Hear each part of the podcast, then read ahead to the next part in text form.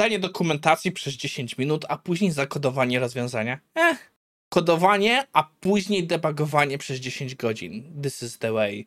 A w dzisiejszym odcinku dokumentacja do automatów i kultura firmy, wzrost versus wydajność. Czas zacząć.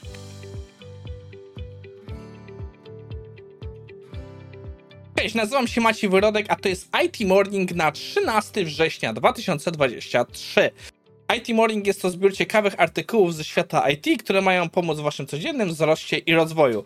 A skoro mówimy o wzroście i rozwoju, gratulacje dla Selenium Toaster. Selenium po, e, pochwalił się w poprzednim odcinku, że znalazł swoją, pra, swoją pracę w IT i że IT Morning całkiem mu w tym pomogło, z czego bardzo się cieszę. Jakkolwiek e, kanał nie był nigdy tworzony z myślą o osobach, które dopiero wchodzą do branży, to fakt, że takie osoby też są w stanie znaleźć tutaj content dla siebie i są w stanie z tego contentu e, skorzystać w ramach swojego rozwoju, bardzo mnie cieszy. Więc duże brawa dla Selenium Toaster, pogratulujcie mu w komentarzach i życzymy mu powodzenia w karierze w naszej branży. Nie wiesz, chłopie, w co się wpakowałeś. Nie, żartuję. Tak naprawdę wszyscy ci gratulujemy. I przechodzimy do naszego pierwszego artykułu, jest dyskusja z Ministry of Testing na temat wagi dokumentacji w wypadku automatyzacji testów. Ja jestem zdania, dokumentacja jest ważna.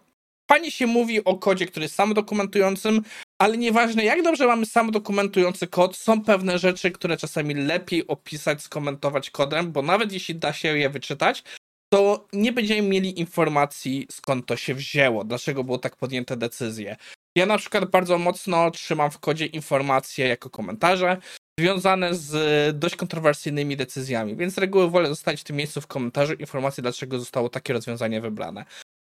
Kiedyś miałem do tego changelog, ale ostatnimi czasy w naszym projekcie nie do końca changelog taki się sprawdził. E, brakowało trochę dyscypliny do utrzymywania go, więc na razie trzymamy to w kodzie.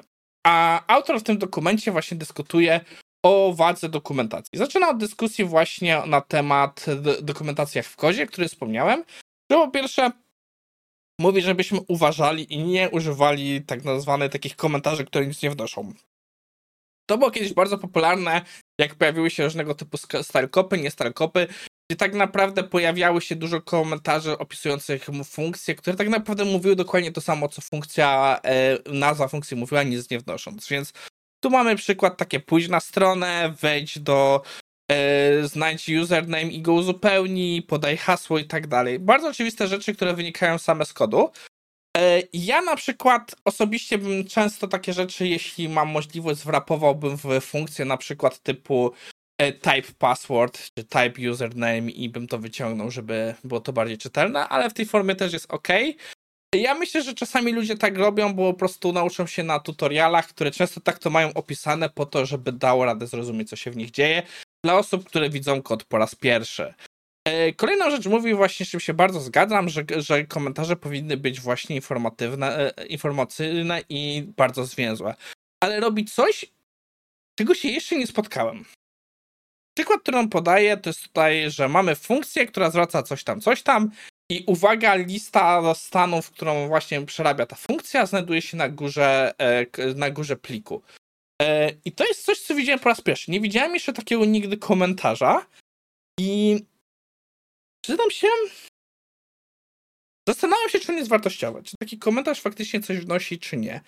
I na razie nie mam opinii, więc jeśli ktoś z Was spotkał się z taką e, metodyką, że tak wpiszemy tego typu informacje w kodzie, dajcie znać, bo ja tego nie widziałem i tak na szybko, jak się na tym zastanawiałem, nie widzę ani zalet, ani wad. Że dla mnie to jest taki może po części, e, w sensie naszej, Widzę jakieś zalety, widzę wady, ale tak się bardziej skłaniam, że to jest dla mnie na tyle ambiwalentna na zmiana, że nie wiem. Teraz zaczynam się już tutaj pultać. Muszę się temu przyjrzeć, może zrobimy sobie w ramach jakiejś e, IT kata kiedyś poeksperymentowanie z tego typu komentarzami. E, następnie autor bardzo mówi o tak zwanych docstringach, czyli nie wiem, jak to się prawnie nazywa, może to faktycznie nazywa docstring, ale coś mi nie pasuje. E, czyli takich komentarzy, których w wypadku na przykład JavaScriptu zaczyna się od, jak, od e, backslash i dwie gwiazdki, które tak naprawdę służą w pewnym sensie za dokumentację klasy, gdzie mamy opisane parametry, jakie przydajemy i tak dalej, i tak dalej. To jest na przykład, chyba to zaczęła Java, ja tak najbardziej to kojarzę z Java, z Javadokiem, że w ten sposób można było automatycznie generować dokumentację. Tak. I te rzeczy są super. Warto o tym pamiętać, warto z tego korzystać, więc zachęcam też do robienia tego. Dalej wchodzimy już w dyskusję na temat naming convention, gdzie sam naming convention moim zdaniem nie jest częścią, nie jest, znaczy przestrzeganie w kodzie naming convention nie jest powiązane w dokumentacji, ale jednak moim zdaniem dokumentacja albo jakiś osobny style guide powinien zawierać naming convention. Więc fajny artykuł, nie, nie wnosi super dużo nowych rzeczy, ale takie tematy warto sobie odświeżyć. Nasz drugi temat na dzisiaj jest artykuł poświęcony właśnie dyskusji o kulturze w firmie. Autor chce tutaj prezentować nam kulturę wzrostu i, i przestrzega przed kulturą, yy, która jest skierowana na właśnie performance i wydajność, yy, czyli ciągły po prostu jak najlepsze wyniki. I tak naprawdę autor mówi, że oni mieli same problemy z budowaniem kultury i tak naprawdę, że wydaje się w pierwsze oko, że taka właśnie kultura, e, taka na performance to jest no to chyba dobra kultura, no bo przecież firma musi zarabiać kasę. I w pewnym sensie nie mówi tego wprost, ale ja bym podsumował, że to jest taki dla mnie trochę problem e, między innymi z inwestorami. Inwestorzy spodziewają się bardzo często rezultatów, albo firmy chcą pokazać rezultaty w krótkim czasie. I tak naprawdę this is, e, że to jest maraton, a nie sprint. I bardzo często kultura wydajności i, e, idzie w właśnie, nazwijmy to, zyski takie krótkoterminowe, poświęcając e, rzeczy długoterminowe, paląc pewne mosty, wypalając pewne zasoby i tak dalej, i tak dalej. I kultura wzrostu, gdzie on tak naprawdę mówi bardzo dużo tych właśnie tak zwanych learning organizations, na których teorii DevOps bazuje, e, ma, stara się to balansować, że zależy nam na wzroście i tak jak to autor tam później podsumowuje, właśnie znajdowanie tej przestrzeni, tej energii do wykorzystania, a nie właśnie wykorzystywanie tej energii na 100%. Autor tutaj opowiada także trochę swoją historię, jak to oni właśnie e, zaczęli budować te wszystkie rzeczy i e, że mieli pewien problem, że wraz z wzrostem e, pewne elementy, które oryginalnie gdzieś po prostu unikali konfliktów, pewne tematy po prostu no, były e, zamiatane pod dywan, przestało działać. Że jak to mówi, że byli jedną szczęśliwą rodziną, jak ja takie słowa słyszę, to mi się od razu zapala czerwona flaga, bo jeśli firma nazywa siebie rodziną, to to znaczy, że próbujecie wykorzystać. Ale myślę, że w tym wypadku nie o to chodziło, więc idziemy, więc postawmy to na razie. A to zaczynam dyskutować, że raz wzrostem firmy, pojawiają się nowych liderów, pojawiało się coraz więcej konfliktów i tak naprawdę zaczęło budować się bardzo duży obóz my versus oni, nowi pracownicy versus starzy pracownicy. I tak naprawdę, jak się sam po fakcie przekonuje, że właśnie za bardzo byli nastawieni na performance i za, i za mało budowali takich zabezpieczeń, żeby ludzie czuli się bezpiecznie, żeby po prostu chcieli budować tutaj wzrost. Następnie prezentuje, że postanowili zrobić jakiś eksperyment po zebraniu tego feedbacku. I po tym eksperymencie po 8 tygodniach na jakimś offsite podzielili się z informacjami całą firmą.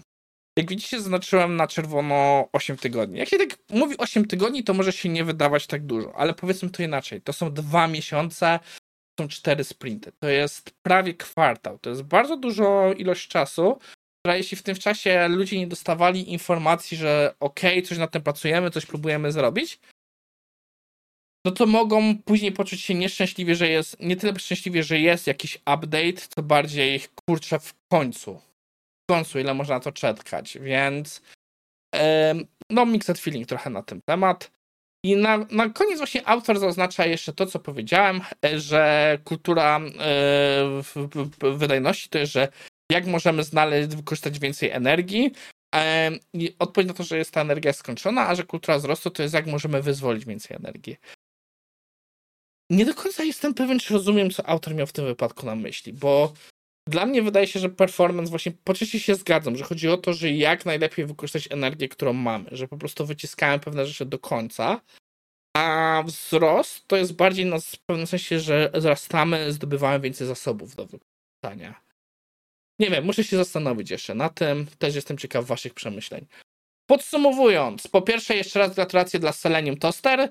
E, wpierw porozmawialiśmy sobie dzisiaj na temat dokumentacji w automatyzacji, a później o kulturze wzrostu versus wydajności. To wszystko dzisiaj i widzimy się jutro.